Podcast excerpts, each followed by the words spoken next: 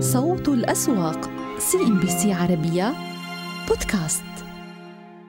إذا لدينا مزاج إيجابي بالنسبة للبورصات الخليجية في جلسة اليوم والأمر الأساسي الذي يتم تسعيره هو ارتفاعات أسعار النفط. برنت عم بتداول عند 89 دولار 72 سنت سوف نلقي نظرة بعد قليل على تداولات النفط. ولكن هذا المزاج الإيجابي جاء مدعوما من ارتفاعات أسعار النفط وأيضا ما شهدناه بالنسبة لوول ستريت في الجلسة الماضية بحكم أنه خلال الفترة الماضية كنا نشهد بأن هناك تأثير للمعنويات في الأسواق العالمية على الأسواق الأسواق المحلية. بالنسبة لسوق دبي كما نلاحظ أغلقنا على مكاسب ب 1.18 النقطة المئوية السيولة. اليوم ممتازة 358.9 مليون درهم ونتجه صوب مستويات ال 3400 نقطة. الأسهم الأبرز التي نتابعها في دبي اليوم سالك. هذا الوافد الجديد. لدينا ارتفاعات على السهم ب 4% تقريبا وسيولة ب 30.7 مليون سهم. سلامة وإعمار وسهم شركة سوق دبي المالي أيضا ضمن هذه القائمة. بالنسبة للتراجعات نلاحظها على تكافل الإمارات وعلى أمان وعلى دبي التجاري ولكن الأسهم الثقيلة أميرتس أن بي دي أعمار العقارية ودبي الإسلامي هذه الأسهم أغلقت اليوم باللون الأخضر. وكما نلاحظ لدينا أيضا أسهم أخرى مثل تبريد ديار وسالك. كما تحدثنا هي كانت بالنطاق الأخضر. اليوم معظم الشركات التي كان لديها إفصاحات جوهرية كانت من سوق أبو ظبي. مؤشر فوتسي أبو ظبي أيضا اليوم استفاد من الارتفاعات التي نشهدها على أسعار النفط وواحد ونصف النقطة المئوية من الارتفاعات نتجه عند 9900 نقطة. هل سنعود لاختبار مستويات ال 10000 و 10100 نقطة؟ الأمر سيكون متعلق بما سنشهده في الأسواق العالمية وبنتائج الشركات. أغلقنا الربع الثالث لهذا العام وبالتالي سنبدأ ونسمع من الشركات المدرجة كيف كانت نتائج أعمالها وكما تحدثنا خلال الفترة الماضية. لدينا تركيز على موضوع هوامش الربحية. من هي الشركات التي كانت الأقدر على تمرير ارتفاعات أسعار آه، والتكاليف إلى المستهلكين؟ وكيف تمكنت من التعامل مع هذه البيئة التضخمية؟ كيف هو وضع التدفقات النقدية بالنسبة للشركات وخصوصا بانه بأنه مررنا في أوقات حرجة بما يتعلق بارتفاعات لأسعار النفط وارتفاع لأسعار المواد الصناعية بشكل عام وبالتالي هذا أثر على الشركات التي لم تكن قادرة على تمرير ارتفاع أسعار التكاليف إلى المستهلك النهائي. اليوم في الأسهم التي نراقبها بسوق أبو ظبي. بداية برجيل اليوم كان لدينا نهاية فترة الاكتتاب لشركة لشريحتي الأفراد والمستثمرين المؤسساتيين. نذكركم بأن النطاق السعري تم وضعه عند درهمين لا درهمين و45 فلس. يعني هيدا بيعطي بأنه ال market cap أو القيمة السوقية للشركة ستتراوح ما بين 10 ل 12.3 مليار درهم. بكل الأحوال الإعلان عن سعر الطرح النهائي سيكون في الخامس الخامس من أكتوبر وبالعاشر من أكتوبر سيكون لدينا بدء التداول والإدراج على أسهم برجيل من الأسهم التي راقبناها أيضا اليوم عم نلاحظ Multiply وأيضا أبحث عن سهم ألفا ظبي و IHC. هذه الثلاثية. بالنسبة ل Multiply آه، أعلنت الاستحواذ على 80% من شركة International Energy بينما الفا ظبي أعلنت الاستحواذ على 20% من هذه الشركة. Multiply اليوم السهم على ارتفاعات بأكثر من 4% لا أجد في قائمة الأكثر نشاطا IHC أو حتى بالنسبة للفظبي ومن الأسهم التي راقبناها اليوم أيضا بسوق أبو ظبي أبو ظبي التجاري يقوم بعمل مفاوضات لبيع شركة أبو ظبي التجاري للعقارات. هذه الشركة لديها محفظة تتكون من تقريبا 2000 بناء و58 أو 57 ألف وحدة سكنية في الإمارات العربية المتحدة. بكل الأحوال إشراق للاستثمار تصدرت قائمة الأكثر نشاطا. كان لدينا نوع من التراجعات على الوطني للتكافل رأس الخيمة للدواجن وإسمينة الفجيرة. ولكن كما كنت أقول اليوم الأسهم مثل الفاب الأسهم القيادية بالنسبة لسوق أبو ظبي أغلقت بالنطاق الأخضر وبمكاسب قوية وأعطت دعم بالنسبة للمؤشر حتى طاقة لاحظوا 8% من الارتفاعات. المصارف كيف تحركت في جلسة اليوم؟ هذا هو أبو ظبي الأول أغلق على ارتفاعات بنقطة مئوية واحدة وأبو ظبي التجاري الذي كنا نتحدث عن أنه في مفاوضات لبيع أبو ظبي التجاري للعقارات. أيضا اليوم على مكاسب بتقريبا 3% أمارة أن بي دي حلق بسوق دبي اليوم 3.5 النقطة المئوية. ودبي الإسلامي أيضا بسوق دبي من الأسهم التي أيضا أعطت الدعم بالنسبة لمؤشر سوق دبي. اليوم القصة كلها تتعلق بما نشهده من تحركات بالنسبة لبراند. بداية هذا هو الأداء من بداية هذا العام. وصلنا لمستويات 89 دولار 57 سنت في هذه الأثناء. ما يتم تسعيره هو بأن أوبك بلس ستقوم بأكبر خفض لمستويات الإنتاج من العام 2020 نتحدث عن مليون برميل يوميا. وخصوصا بأنه سمعنا سمعنا تقارير صحفية أشارت إلى أن روسيا تدعم هذا الخفض وبالتالي هذا ما يتم تسعيره. ولكن إذا ما عدنا إلى أساسيات السوق فلا يزال لدينا العديد من إشارات الاستفهام. إشارات الاستفهام هي حول مستوى الطلب المتوقع من الصين ومن الدول الآسيوية عموما ولكن من الصين تحديدا بحكم ال zero COVID policy التي أثرت على الوضع الاقتصادي هناك. ولدينا أيضا السؤال حول كيف ستؤثر العقوبات الأوروبية التي ستدخل حيز التنفيذ في الخامس الخامس من ديسمبر على النفط المنقول بحرا من روسيا إلى أوروبا. هذا سيقلص من حجم الموارد الروسية والصادرات الروسية ولكن حتى الآن لدينا تحاليل متضاربة أو تحليلات متضاربة لهذا الملف تحديدا. ومن الملفات الأبرز أيضا ملف الفيدرالي ارتفاع عوائد السندات الأمريكية والارتفاعات التي نشهدها على الدولار الأمريكي. مؤشر الدولار الأمريكي وصل لأعلى مستويات في 20 عاما. جلسة أمس الرالي الذي شهدناه في أسواق الأسهم بوول ستريت وبالنسبة للداو جونز وال S&P 500 كان مدعوم إلى حد كبير بأنه عوائد العشر سنوات تراجعت دون المستويات القصوى التي وصلنا لها فوق في المئة. وبالتالي هذا أعطى دعم بالنسبة لوول ستريت عموما. ولكن كل القصة خلال الفترة القادمة ستتعلق بمؤشر الدولار الأمريكي وكيف سيتحرك الفيدرالي الأمريكي. لأن قوة الدولار الأمريكي ستؤثر على نتائج الشركات الأمريكية وتحديدا شركات القطاع التكنولوجي. وهذا أساسا ما بدأنا نسمعه من إشارات وتلميحات من الشركات من أنه لدينا تراجع في مستوى الطلب لدينا قوة الدولار الأمريكي ولدينا العوامل التضخمية كلها ستلقي بظلالها على أرباح الشركات في الربع الثالث. أسيد خريسات ينضم إلينا من سوق دبي المالي. أسيد جلسة ممتازة اليوم بالنسبة لمؤشري سوق دبي وأبو ظبي. وعندما أبحث عن يعني ما الذي تغير؟ ما الذي تغير بين هذا الأسبوع والأسبوع الماضي؟ لا أجد ملف سوى ملف النفط وبدء تسعير أن أوبك بلس قد تخفض الإنتاج بمليون برميل يوميا وبالتالي هذا اللي أعطى الدعم بالنسبة لأسعار النفط. هل برأيك هناك شيء آخر اليوم يحتسبه المستثمر بهذه الجلسة الاستثنائية؟ أهلا بك ميو بالسادة المشاهدين. يعني بلا شك هناك عمليات جني الأرباح التي شاهدناها آه، خلال الأسبوع الماضي مي وذلك بسبب وصول العديد من الأسهم القيادية بالذات في سوق دبي المالي إلى مستويات بالفعل تعد مغرية لعمليات جني الأرباح. على سبيل المثال مثل إعمار العقارية وأيضا كان هناك بعض الضغوط البيعية التي شهدتها أسهم قطاع المصارف في كلا السوقين وصلت إلى مستويات مقاومة مهمة. آه، وبالتالي شهدنا هذه الارتداد بالتزامن مع الارتداد في أسواق وول ستريت وأيضا كما ذكرتي آه، فيما يتعلق بأسعار النفط العالمية آه، للأسباب التي ذكرتيها وخصوصا فيما يتعلق باجتماع أوبك بلس المنتظر في الخامس من أكتوبر. وأيضا هناك الاحتمالات تشير إلى طبعا تخفيض الإنتاج بحدود المليون برميل. كلها عوامل اجتمعت في تلك الارتداد الواضحة للمؤشرات الإماراتية. اليوم نشهد في سوق دبي المالي على سبيل المثال بعد أن يعني كسر مستويات آه، الخمسة دراهم و75 فلس آه، بالنسبة للإعمار العقارية. الآن نراها ارتدادا واضحة آه، حتى نهاية التداولات اليوم. حتى بالنسبة لدبي الإسلامي عندما كسر مستويات ستة دراهم لكان متوقع بأن يكون هناك ارتداد إلى أعلى.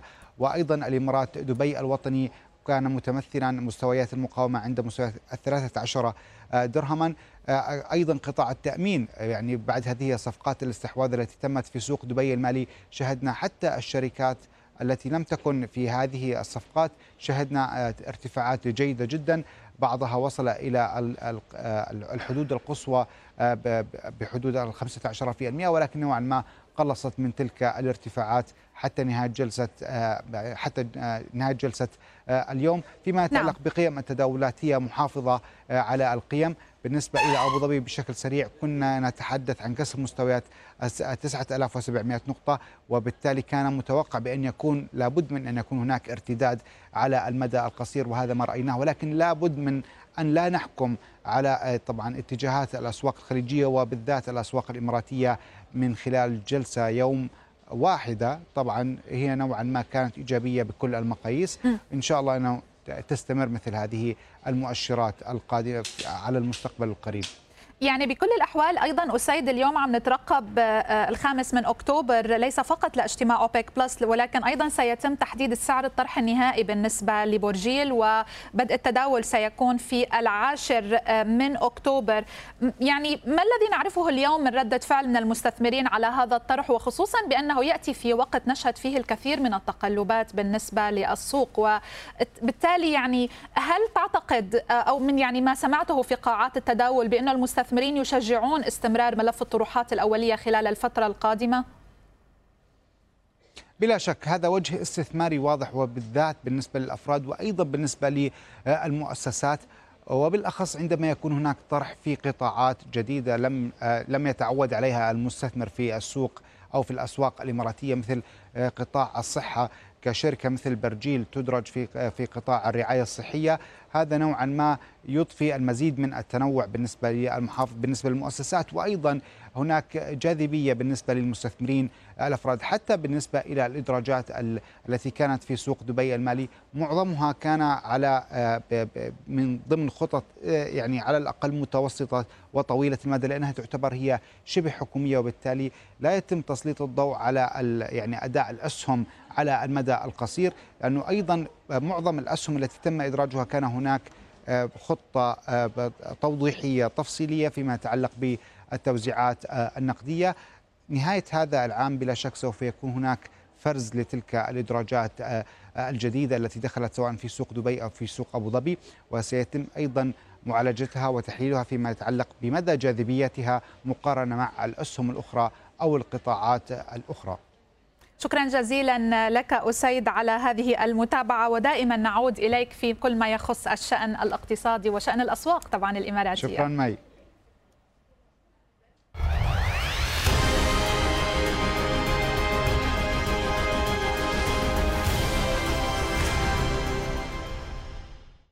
تنطلق اليوم في دبي فعاليات منتدى الإعلام العربي والذي من المتوقع أن يستقطب حوالي ثلاثة ألاف مشارك بين مسؤول حكومي والقائمين والمهتمين بصناعة الإعلام في المنطقة. سأعود بعد قليل إلى هذا إلى هذا الملف ولكن دعونا نلقي نظرة على إغلاق مؤشر البورصة القطرية. ذكرنا أنه اليوم كانت جلسة استثنائية بالنسبة للبورصات الخليجية. بحكم ارتفاعات أسعار النفط هي كذلك بالنسبة لمؤشر البورصة القطرية. ثلاثة ونصف النقطة المئوية من الارتفاعات شهدناها على المؤشر صعد فوق مستويات الثلاثة عشر ألف نقطة. القيادة كانت بهذه المكاسب للقطاع المصرفي شهدنا ارتفاعات في المئة والقطاع الصناعي الذي ارتفع أربعة في المئة. نظرة على القياديات لاحظوا QNB قطر الإسلامي وصناعات قطر. هذه الأسهم اليوم حلقت بمؤشر البورصة القطرية.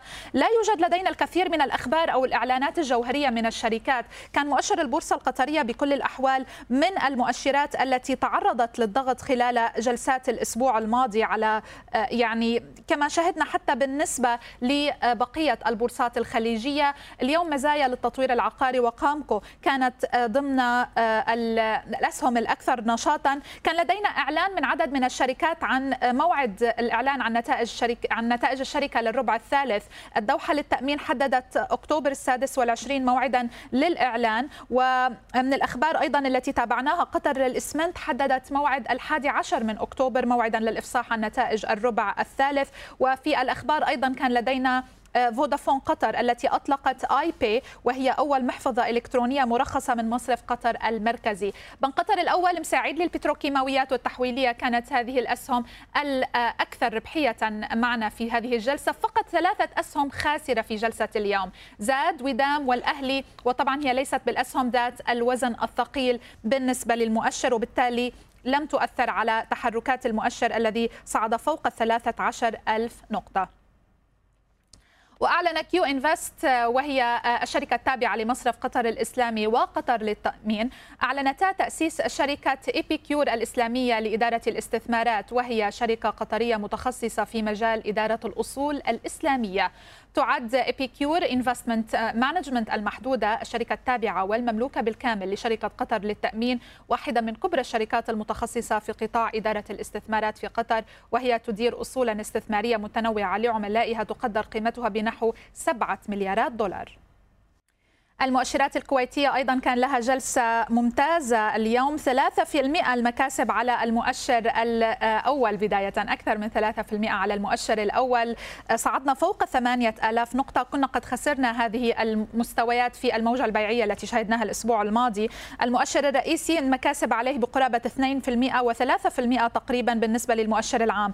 اليوم كل القطاعات باللون الأخضر يعني المصارف المواد الأساسية الصناعة القطاع العقاري يعني آه، لا أجد أي قطاع اليوم تداول في الكويت باللون الأحمر. كان من الأسهم الأبرز التي تابعناها بأنه سهم بنك الكويت الوطني استعاد مستوى الدينار آه، وأيضا يعني آه، بالنسبة لسهم بيتك لو فقط نلقي على نظرة على سهم بيتك لاحظنا أنه اليوم بالنسبة لسهم بيتك وصلنا لمستويات 833 فلس. كان من الأسهم أيضا الأبرز معنا وأجلتي اليوم أيضا صعد هذا السهم إلى ما فوق فوق مستويات ال 700 فلس. يعني اليوم الأسهم الممتازة في الكويت كان لها أداء استثنائي واستفادت بشكل عام من المزاج الإيجابي الذي شاهدناه وكما تحدثنا اليوم لا يوجد شيء تغير ما بين جلسة اليوم وجلسات الأسبوع الماضي سوى ارتفاعات أسعار النفط. بما يتعلق بأجيلتي آه، ذكرت الشركة آه، وهي طبعا شركة أجيلتي الكويتية للمخازن العمومية ذكرت أنها تعاقدت مع الحكومة المصرية لتطوير وتشغيل مراكز الخدمات والأعمال الجمركية واللوجستية في المنطقة الاقتصادية لقناة السويس. وأضافت أجلتي أنها تعتزم استثمار 60 مليون دولار في تطوير البنى التحتية للمراكز اللوجستية الجمركية للمنطقة الاقتصادية لقناة السويس.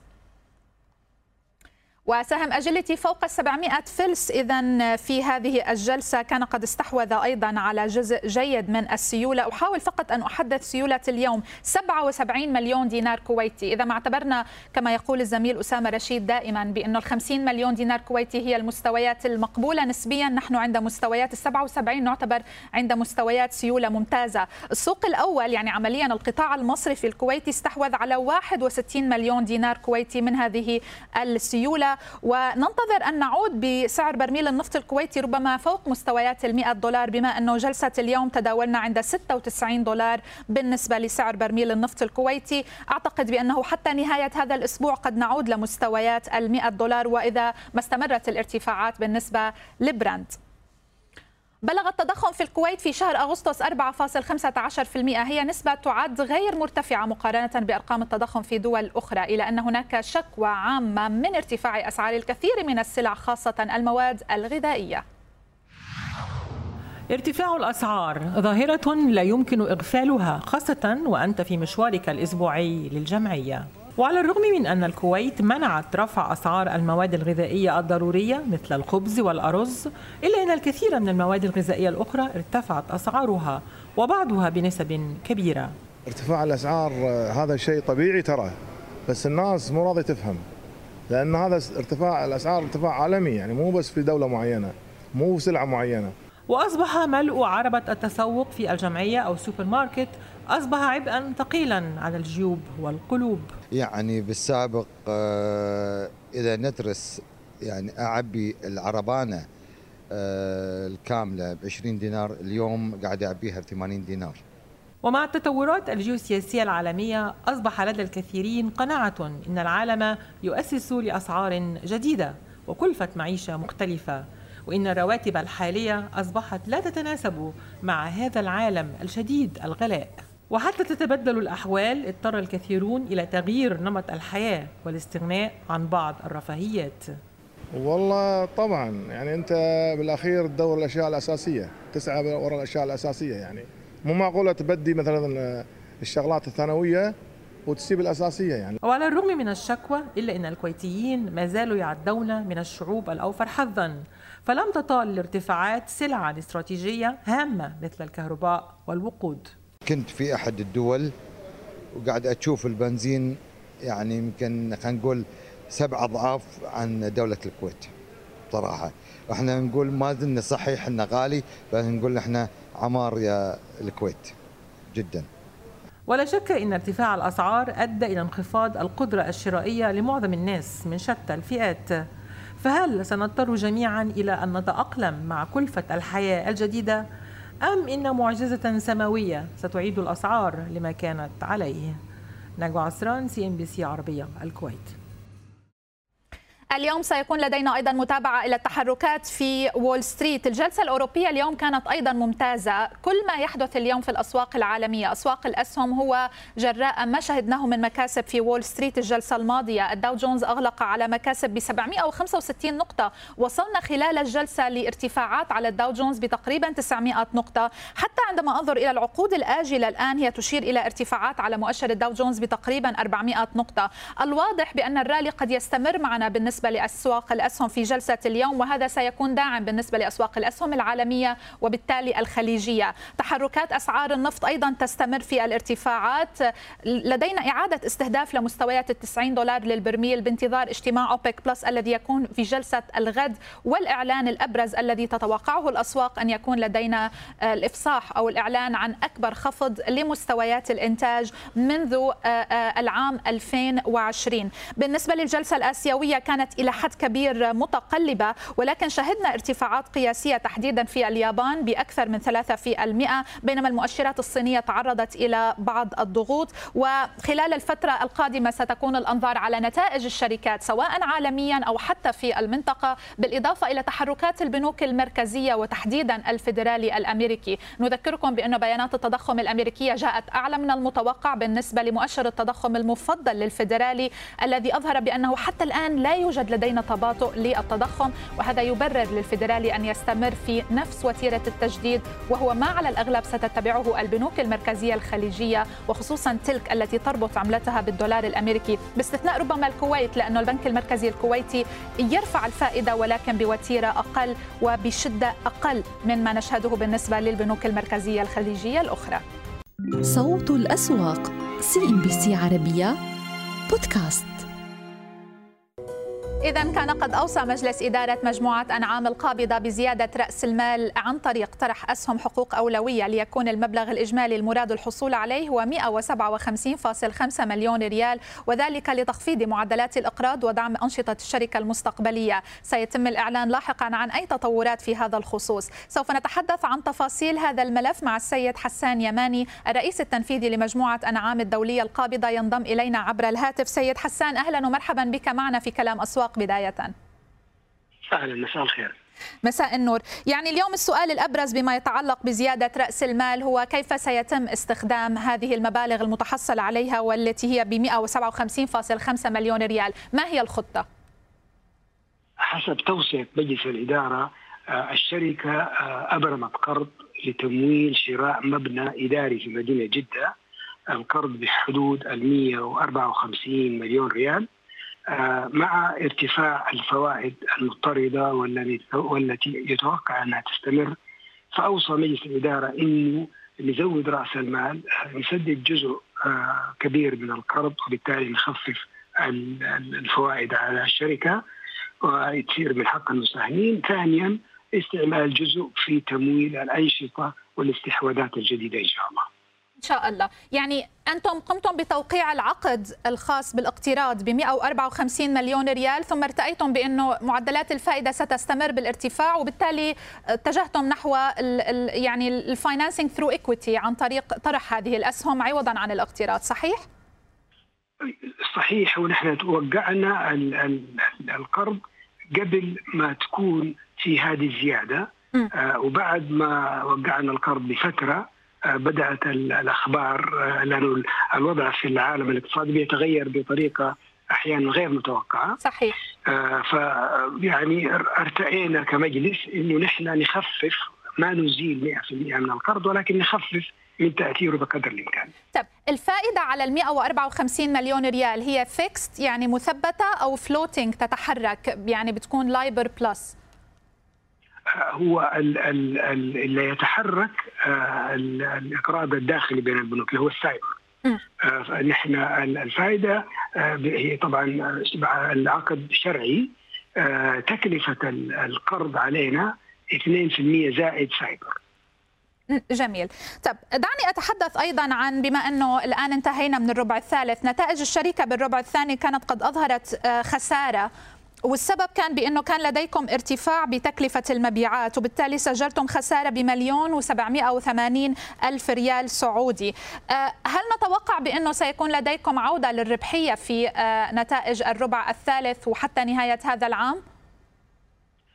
بمشيئة الله الخسائر اللي ترتبت بنهاية الربع الثاني كانت أغلبها من الشركات الشقيقة اللي استحوذنا عليها مصنعين في سدير وفي جدة استحوذنا على أغلبية هذه كلها كانت مصانع مبتدئة فياخذ مننا وقت إعادة هيكلتها تكملة خطوط الإنتاج تدريب الموظفين وتوظيف العمالة والمهنيين والأنظمة الإدارية وخلافه. المصنع الأول في سدير بدأ الحمد لله في الإنتاج ونتوقع أنه يحقق ويحقق أرباح السنة القادمة إن شاء الله أو بنهاية هذه السنة. المصنع الثاني ما زال في جدة مبتدئين جديد لأنه استحوذنا عليه في في شهر إبريل من هذه السنة. فأعتقد حياخذ مننا كمان يمكن ستة شهور ثانية عبال من نكمل خطوط الإنتاج. وبمشيئة الله يتوقع منا خير. بالنسبة للخسائر الإجمالية كانت أغلبها جاية من من هذا من هذه الشركتين. ولكن بنهاية الست شهور كان عندنا فائض بحدود واحد ونصف مليون ريال. جميل. عندما نتحدث سيد حسان عن البيئة الاقتصادية الحالية تحدثت حضرتك بأنه عم نشوف بارتفاع بمعدلات الفائدة ومتوقع أنه يستمر معنا بحكم الربط ما بين الفيدرالي وما بين الريال السعودي والدولار الأمريكي. ولكن أيضا لدينا سيد حسان بيئة تضخمية لدينا ارتفاع في تكاليف جميع أنواع المنتجات إن كان غذائية إن كان صناعية إن كان غيرها. كيف تتعامل الشركة مع هذه البيئة التضخمية وارتفاعات التكاليف؟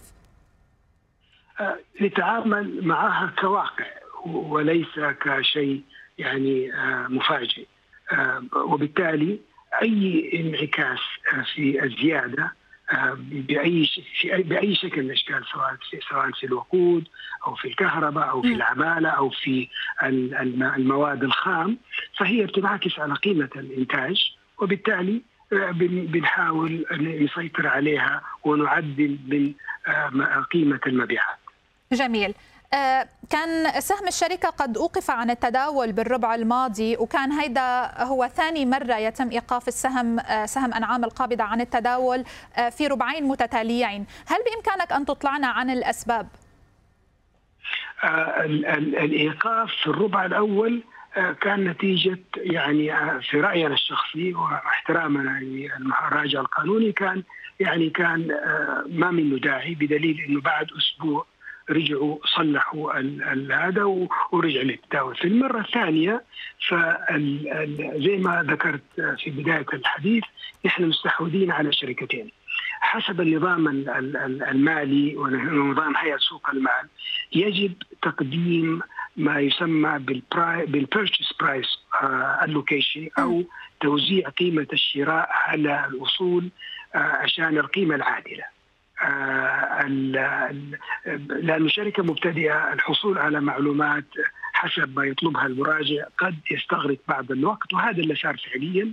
لم نتمكن من تزويد المراجع القانوني بالأرقام النهائية اللي طلبها وبالتالي اضطرينا نأجل لمدة أعتقد أربع أسابيع حتى ننتهي من إعداد تقرير شامل وكامل من جهة مستقلة.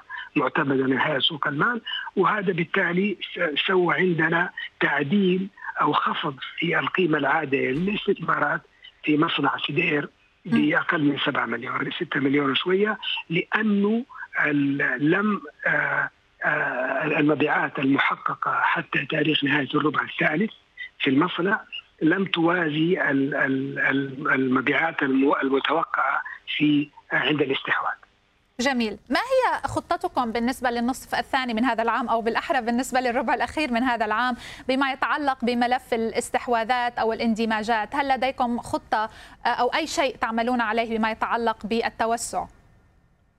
بالنسبة للنتائج المالية ف نحن يعني والكل يعلم إنه استحوذنا على مبنى إداري في جدة صح. في واحد سبعة وكان بداية شهر سبعة وبالتالي اثره المالي يجب أن يظهر في الربع الثالث والرابع من هذا العام ونتوقع يكون ايجابيا إن شاء الله. بالنسبة للاستحواذات فالشركه شهية مفتوحة للاستحواذات ونحن بنقيم بعض القطاعات وبعض الشركات في هذه القطاعات أي قطاعات تنظرون إليها اليوم سيد حسان؟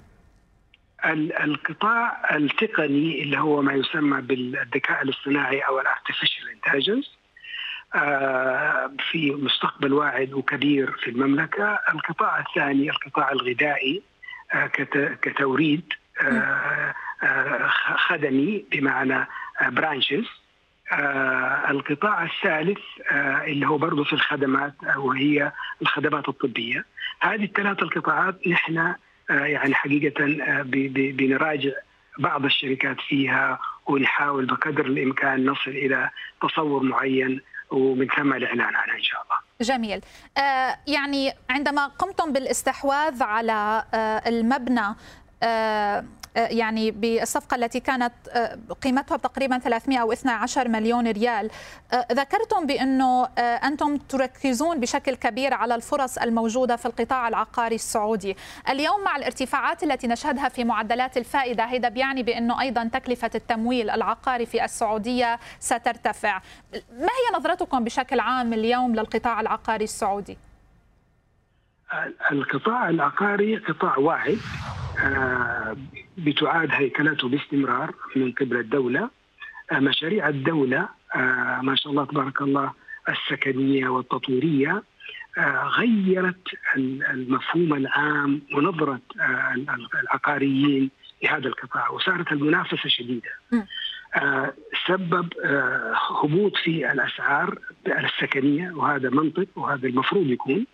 من الأرقام الخيالية. فالعقار القطاع العقاري عقار قطاع واعد سواء كان الإداري أو السكني. الآن بالتوجه اللي بتسويه الدولة الله يبارك فيها اللي هو المناطق العشوائية وخلافه وإعادة تقنينها وتنظيمها حيسوي نوع من الطلب وزيادة الطلب. على القطاع السكني، القطاع المكتبي، الصناعي، الورش وخلافه، فأنا أتوقع إن شاء الله القطاع العقاري للسنوات القادمه القادمة حيكون يعني هل تتوقع هل تتوقع سيد حسان بأنه سيكون لديكم استثمارات في القطاع العقاري قبل نهاية هذا العام، استثمارات إضافية؟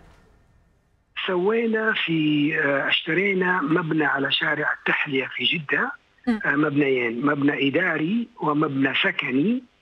مبنيين قديمين لها 30 سنة. الآن بنعيد إعادة هيكلتها بالكامل وطرحها للإيجار سكني ومكاتبي. هذه اللي سويناها إلى الآن السنة دي. بعد كده أعتقد تركيزنا حيكون في القطاع اللوجستي الخدماتي. الآن بنسوي الخرائط لبناء ثلاجة كبيرة في مدينة جدة. و كم تقريبا التكلفة المتوقعة؟ للمشروع؟ أعتقد حتكون في حدود كحد اقصى يمكن 20 مليون ريال تقريبا يمكن أقل شوية وبس حتكون يعني عدة مواقع متتالية إن شاء الله. ستمولونها ذاتيا؟ من الدخل للشركة نعم. نعم self finance شكرا جزيلا لك على هذا اللقاء الرئيس التنفيذي لمجموعة أنعام الدولية القابضة السيد حسان يماني. شكرا جزيلا لك على هذا اللقاء.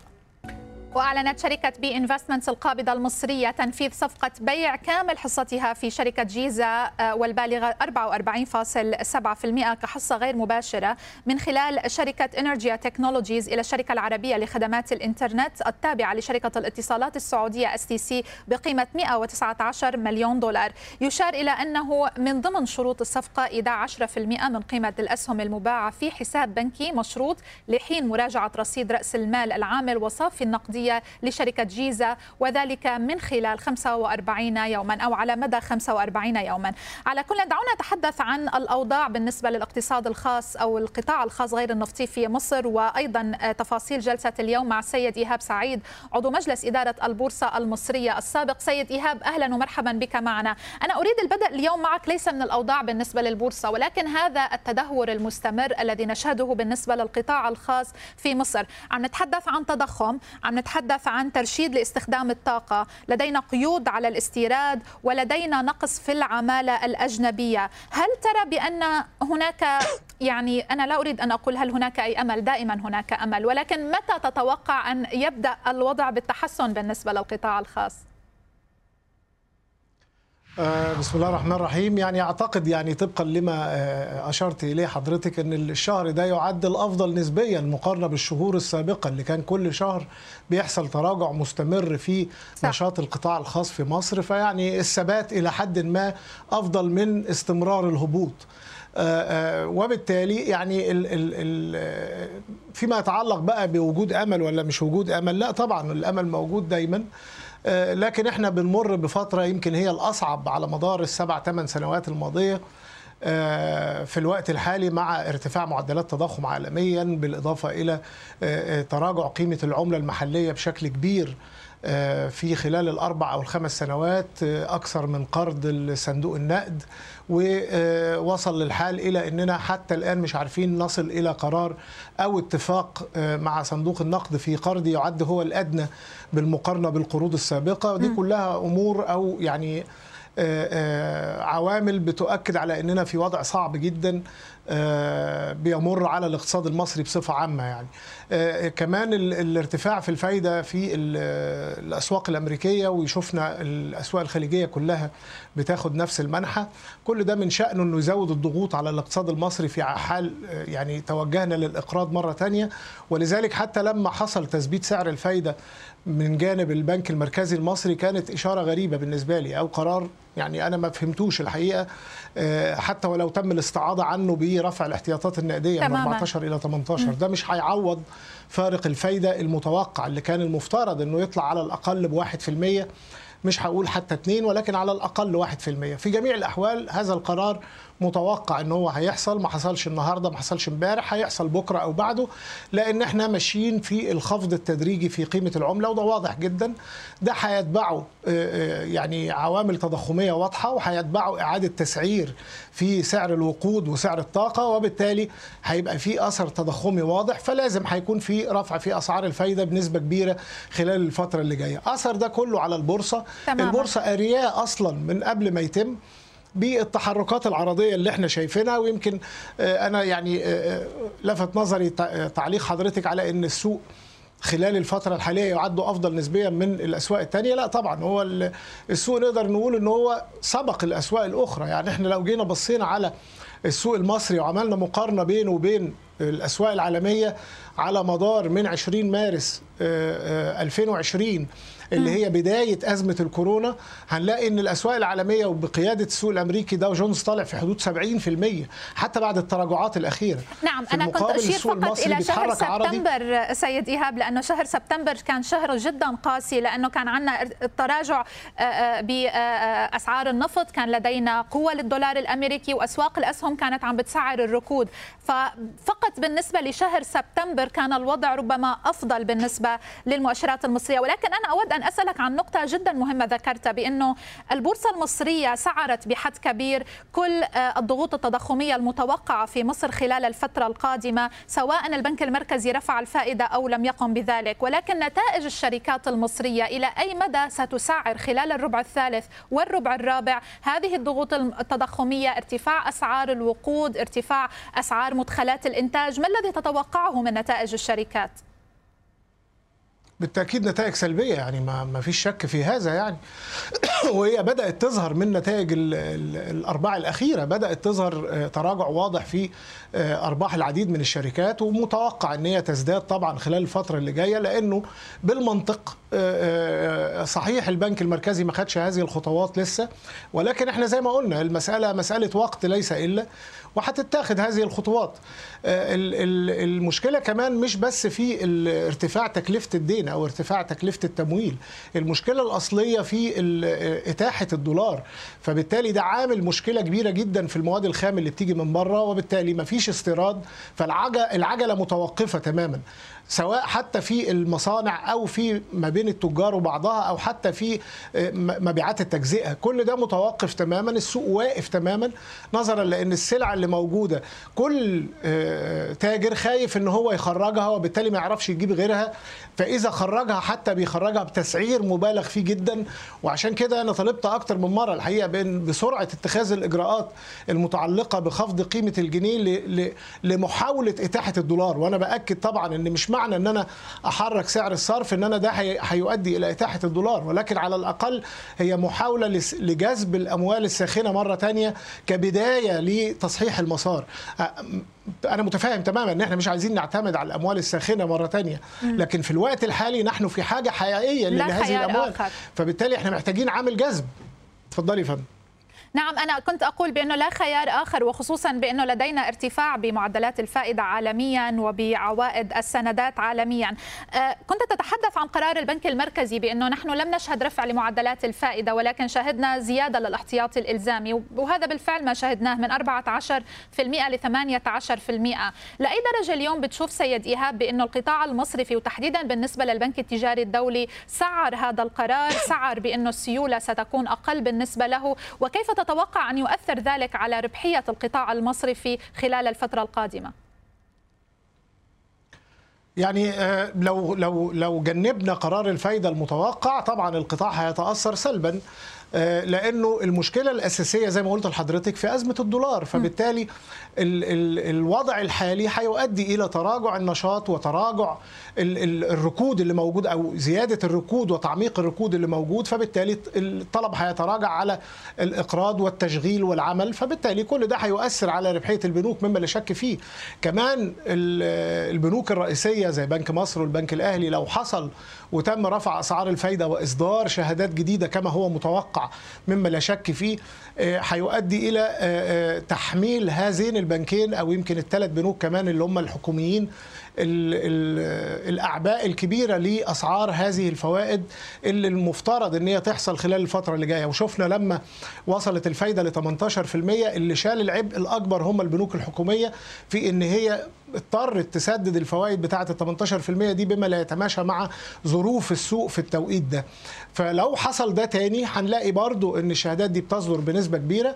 قد تكون 18 قد تكون 20 الله أعلم على أي ما سيتم تخفيض قيمة العملة ومعدل التضخم المتوقع فبالتالي هيبقى في إصدار للشهادات ديت وعلى هذا الأساس هنتوقع طبعا تراجع في ربحية البنوك بصفة عامة. وإن كان يعني في البورصة ما عندناش يعني القطاع المصرفي اللي نقدر نقول يعني ده بيعبر عن الوضع الحقيقي. هو البنك التجاري الدولي بس اللي بيشكل أكثر من 90% من مؤشر قطاع البنوك في في البورصة. فبالتالي ما فيش يعني تأثير قوي للقطاع نقدر نقول إن هو أظهره في المشكلة اللي حاصلة في الاقتصاد الحقيقي. شكرا جزيلا لك السيد إيهاب سعيد عضو مجلس إدارة البورصة المصرية السابقة. شكرا, شكرا لك. صوت الأسواق سي ام بي سي عربية بودكاست.